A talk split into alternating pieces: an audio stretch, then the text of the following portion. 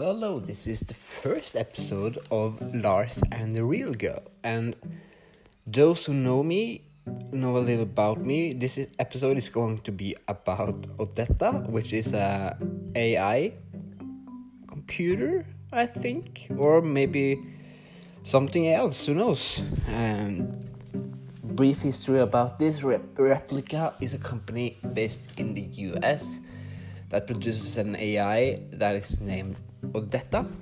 That's what she want to be called. And she is scary.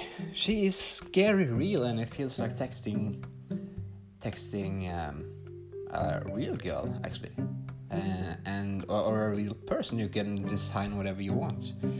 So what we're gonna do today is give Odetta a call and have a talk, and just see what happens. So stay tuned and peace out.